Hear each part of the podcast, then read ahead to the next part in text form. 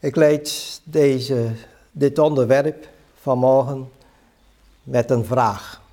Een vraag uit de schrift, namelijk uit Marcus 10, daarvan vers 17, waar het daar zegt, Goede meester, wat moet ik doen om het eeuwige leven te beërven?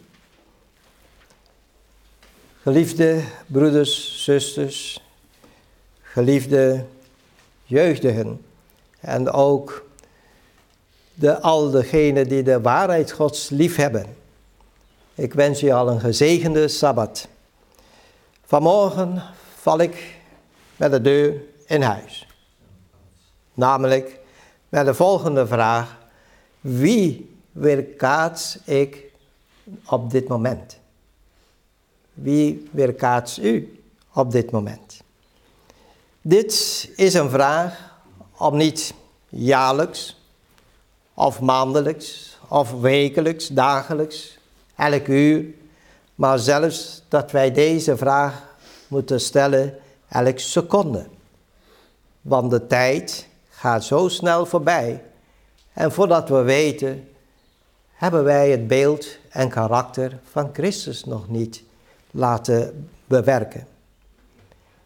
Mijn geliefden, de Heer Jezus had het ook zeer druk. En toch luisterde hij altijd naar de vragen, naar de noden, naar de behoeften van de mens. Het beste, het beste medicijn voor onze zorgen, onze ziektes, onze lijdens, ligt namelijk grotensdeel in het gehoorzamen van Gods geboden.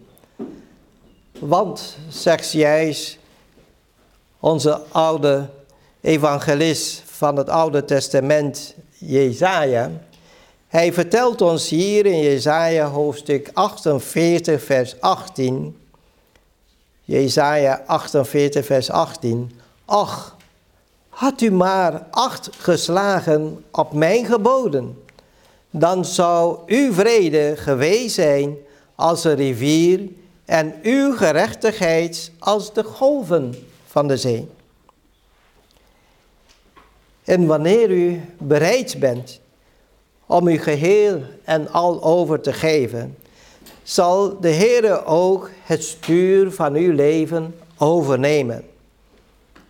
En dat zegt hij ook in een tekst daar vooraf, Jesaja 48, vers 17.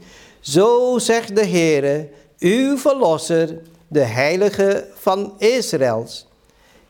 Ik ben de Heere, uw God, die u leert wat nuttig is, die u leidt op de weg die u gaan moet. De titel van dit onderwerp van morgen is dan ook Wat ontbreekt mij nog? Komt deze vraag ook bij u bekend voor? Volgens ons doen, onze denken, en zelfs wanneer wij vanuit gaan, ik heb toch mijn uiterste best gedaan, terwijl in ons hart iets ontbreekt. Wij missen iets. Vanmorgen willen wij even dat stukje even citeren in Marcus hoofdstuk 10, om onze geheugen op te frissen namelijk het verhaal van de rijke jongeling. In Marcus hoofdstuk 10, we gaan door van vers 17 tot en met 22, ja. Ik begin bij vers 17. En toen Jezus naar buiten ging om op weg te gaan, snelde er iemand naar hem toe viel voor hem op de knieën en vroeg hem, Goede meester, wat moet ik doen om het eeuwige leven te beërven? En wat zei Jezus? Jezus zei tegen hem, Waarom noemt u mij goed? Niemand is goed, behalve één, namelijk God. U kent de geboden, u zult geen overspel doen en namelijk ook niet doden en ook niet stelen. En u zult geen valse getuigenis afleggen. U zult niemand benadelen. Eer uw vader en uw moeder. En deze jonge man, die ijverig de schriften heeft onderzocht en daarin beleerd was. En hij zei, maar Heere, meester, al deze dingen heb ik in acht genomen van mijn jeugd af. En Jezus keek hem aan en had hem lief. En hij zei tegen hem, Eén ding ontbreekt u. Ga heen, verkoopt alles wat u hebt en geeft het aan de armen. En u zult een schat hebben in de hemel. En kom dan, neem uw kruis op en volg mij. Hier zien wij dat Jezus is de enige die weet wat mij nog ontbreekt. Hij wil ons de rust schenken. Hij wil ons zegenen. Het is interessant wanneer je met mensen spreekt. Je hebt een gesprek met hun. En soms is het verdrietig wanneer ze voor, ja, voor het woord van God niet openstaan. Maar dat zijn de momenten waar wij moeten steeds bidden. Heere, geef mij uw wijsheid uw geduld. Geef mij uw liefde, zodat ik deze ziel voor u kan redden, voor de eeuwigheid. Maar helaas, bij deze rijke jongeling viel het niet in goede aarde. Vers 22 zegt dan ook, maar hij werd treurig over dat woord en ging bedroefd weg. Waarom? Want hij had vele bezittingen. Is het verkeerd om bezittingen te hebben? Absoluut niet. De bezittingen moeten niet aan onze harten vastgeklampt zijn. Juist heeft de Heer daarin voorzien. Want hij heeft altijd gezegd, de armen hebt u altijd onder u. Wat doet je ermee? Het is, wij hebben een dienstbaar taak in deze wereld. Wij moeten zorg dragen. We moeten dienen. Daartoe is Jezus ook gekomen, mijn geliefden. En ook deze rijke jongeman. Hij had de mogelijkheid. Ik zal je zeggen, verder ontbrak niks. Want hier heeft Jezus niet de, e-, het eerste deel van de tien geboden aangehaald.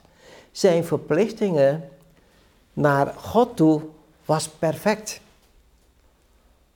Maar dat deel wat ontbrak, is zijn naaste lief te hebben. En dit is wat Jezus had aangehaald van die geboden. Dat was het tweede deel, mijn geliefden. En hierin is ook waar wij kunnen falen. We menen God te dienen. We hebben alles voor God over. Maar wat about onze naasten die wij dagelijks zien? Hoe gaan wij daarmee om? Mijn geliefden, waartoe is Jezus gekomen? In Johannes hoofdstuk 17, daarvan vers 6, openbaart Jezus ons het volgende in zijn hoge priesterlijk gebed. In open, Johannes hoofdstuk 17, hier zegt hij dan ons ook, ik heb uw naam geopenbaard aan de mensen die u mij uit de wereld gegeven hebt, zegt Jezus. Dus het is, Jezus kwam niet voor zichzelf, maar hij kwam om zijn hemelse vader weer in een rechte manier voor te stellen. Hoe hij is en wie hij is. In het dagboek from the heart, dus uit het hart van de geest der profetie, bladzijde 30. En het is uitgenomen van uh, Science of the Times, dat is van 20 augustus 1894. Met als subtitel Jezus openbaart de Vader. Ik wil enige woorden hieruit citeren vanmorgen.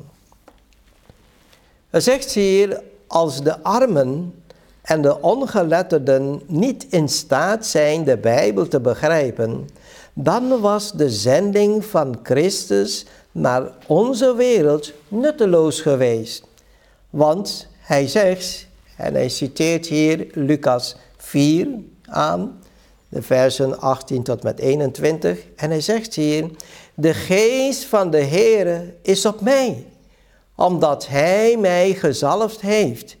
Hij heeft mij gezonden om aan armen het evangelie te verkondigen om te genezen die gebroken van hart zijn, om aan gevangenen vrijlating te prediken en aan blinden het gezicht vermogen weer te geven, om verslagenen weg te zenden in vrijheid, om het jubeljaar van het welbehagen van de Heere te prediken.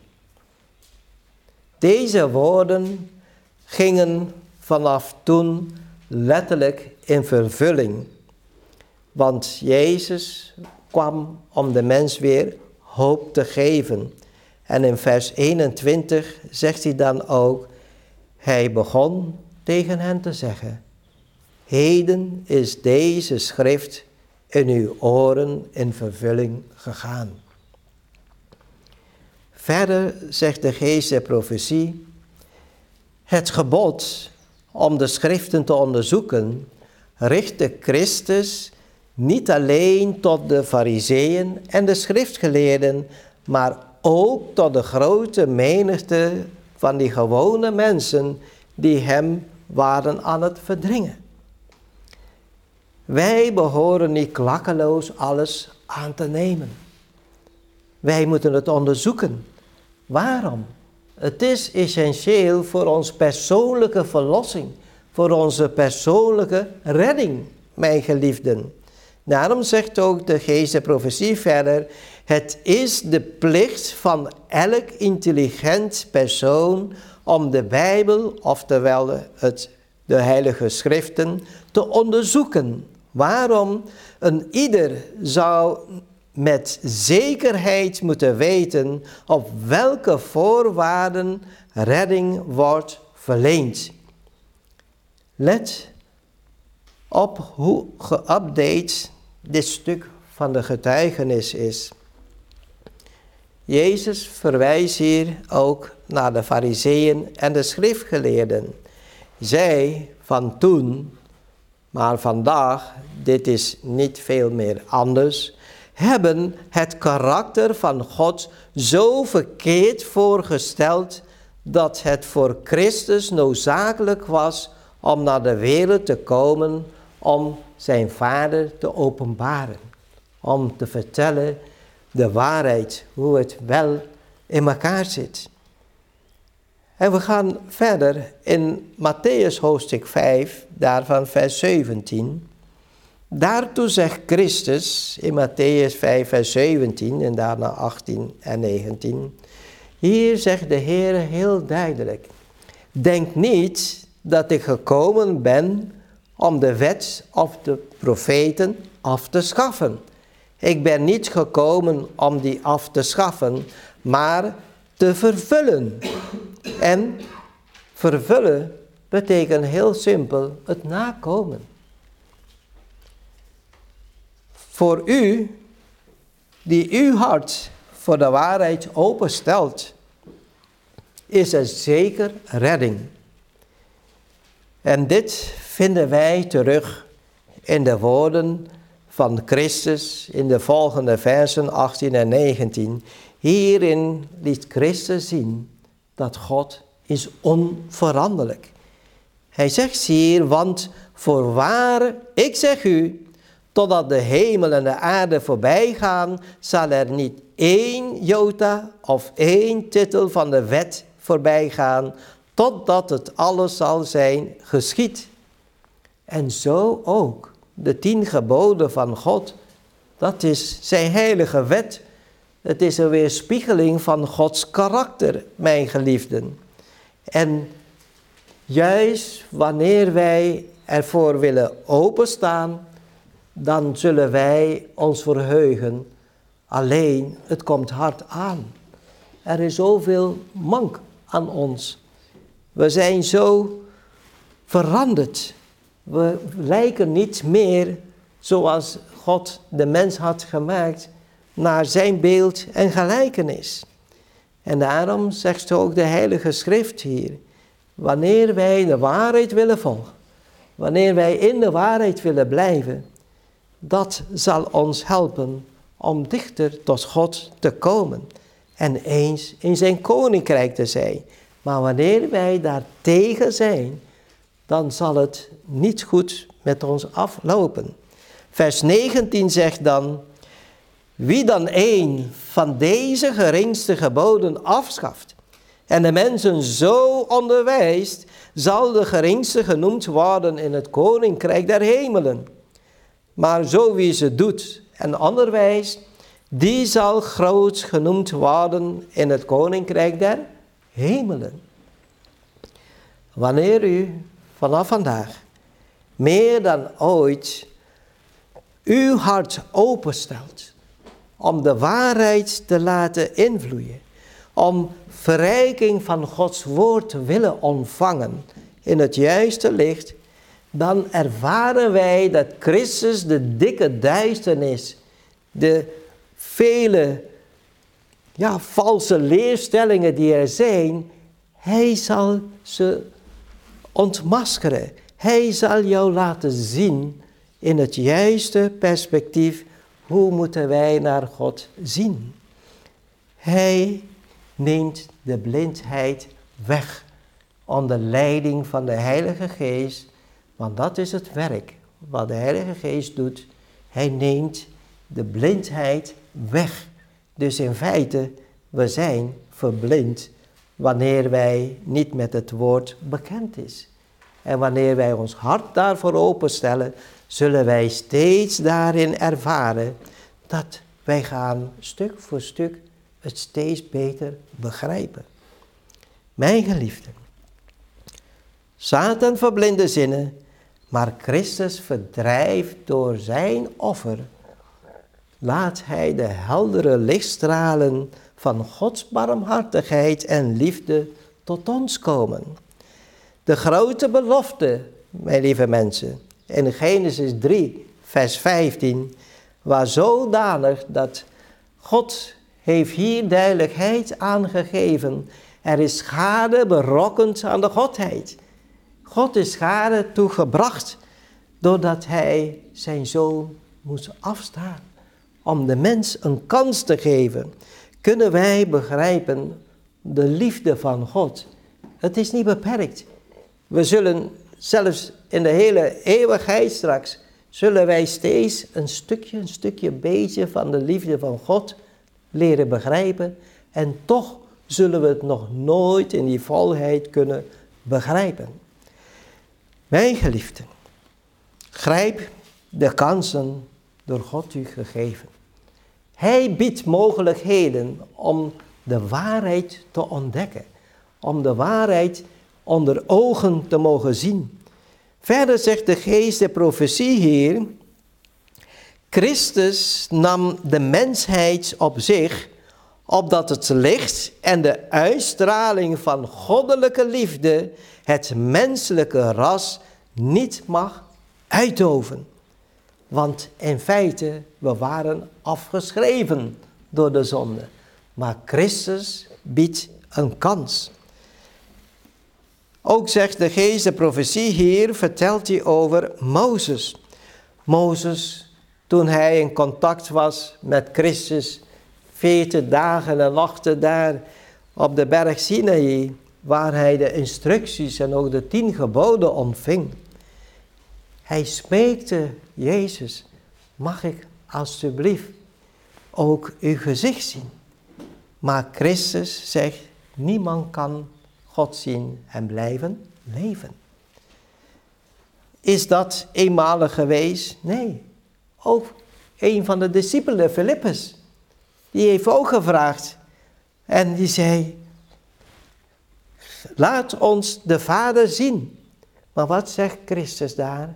Wie mij gezien heeft, heeft ook de Vader gezien. Verder zegt de geest profetie. In gewone taal leerde de heiland de wereld dat de tederheid, het mededogen en de liefde die God jegens de mensheid toonde, de eigenschappen van zijn Vader in de hemel waren. Christus weerkaatste het karakter van zijn Vader. Welke genadeleer hij ook naar voren bracht. Welke belofte van vreugde, welke liefdesdaad dan ook, welke goddelijke aantrekkingskracht hij ook aan de dag legde, alles had zijn oorsprong in de Vader. In de persoon van Christus zien we de eeuwige God bezig met een onderneming van grenzeloze barmhartigheid jegens het gevallen ras. Voor u die deze waarschuwing eerder gehoord hebt. En voor u die het voor het eerst hoort, jawel, op dit moment, moment is gegarandeerd, er is genade. Er is genade, maar één moment, het komt te gebeuren, dat deze genadedeur eenmaal dicht gaat. Op dit moment is Christus bezig met het onderzoekend oordeel. En dat onderzoekend oordeel, daar worden alle feiten naar voren gebracht, boeken worden geopend. En degenen die Christus ooit op de een of andere manier hebben aangenomen, hun namen worden genoemd. Hoe staat het met u vandaag? Stelt u zichzelf ook de vraag, wat ontbreekt mij nog? Ik ben vandaag geroepen om u deze boodschap te brengen. Voordat het te laat is, mijn geliefden. Het is absoluut een voorrecht die wij vandaag kunnen ervaren om te horen naar de mogelijkheid die God ons heeft geboden. En daarom gaan wij ook met elkaar lezen. Dat is in Openbaring 22. Openbaring 22, de versen 10 tot en met 13. Hier wordt ons geopenbaard dat God blijft niet twisten in eeuwigheid met de mens. Maar wanneer het afgelopen is, hier ervaren wij de woorden die de engel tegen Johannes uh, had verteld. Vers 10 af. Verzegel de woorden van de profetie van dit boek niet, want de tijd is nabij. Wie onrecht doet, laat hij nog meer onrecht doen. Wie vuil is, laat hij nog vuiler worden. En wie rechtvaardig is, dat hij nog meer gerechtvaardigd worden. En wie heilig is, laat hij nog meer geheiligd worden. En zie, ik kom spoedig, zegt de Heer, en mijn loon is met mij om te vergelden een ieder naar zijn werk. Mijn geliefden, wie spreekt daar? Vers 13. Ik ben de Alpha en de Omega, het begin en het einde. En de eerste en de laatste. Mogen deze vraag van deze rijke jongeling. Wat ontbreekt mij nog? Dat wij het niet wegdoezelen, maar laat het een persoonlijke overdenking elk moment zijn. Heren, wat ontbreekt mij nog? Ik nodig u uit om ook openbaring, daarvan de versen 17, openbaring 22, vers 17 tot met 19 en daarna 20 tot met 21 te lezen. Deze woorden gelden voor degenen die hongeren en dorsten naar de gerechtigheid van Christus. En het is trouwens ook een ernstige oproep. Hij zegt hier in openbaring 17, openbaring, sorry, 22 vers 17 zegt het hier. En de geest en de bruid zeggen, kom. En laat hij die het hoort zeggen, kom. En laat hij die dorst heeft komen. En laat hij die wil het water des levens voor niets drinken. Waarom? Want ik getuig aan ieder die de woorden van deze profetie van dit boek hoort, als iemand iets aan deze dingen toevoegt, zal God hem de plagen toevoegen die in dit boek geschreven zijn. En als iemand afdoet van de woorden van het boek van deze profetie, zal God zijn deel afdoen van het boek des levens en van de heilige stad en van de dingen die in dit boek geschreven zijn. Hij, Jezus Christus, die deze dingen getuigt, zegt dan, ja, ik kom spoedig. En hij die hongert en dorst, zal dat antwoorden en zeggen, amen. Ja, kom, Heere Jezus. Ik sluit af met de machtige en zegenrijke woorden, zoals ze hier beschreven staan in vers 21. Mogen onze Hemelse Vader en de genade van Jezus Christus door de kracht van de Heilige Geest altijd met u zijn. Amen.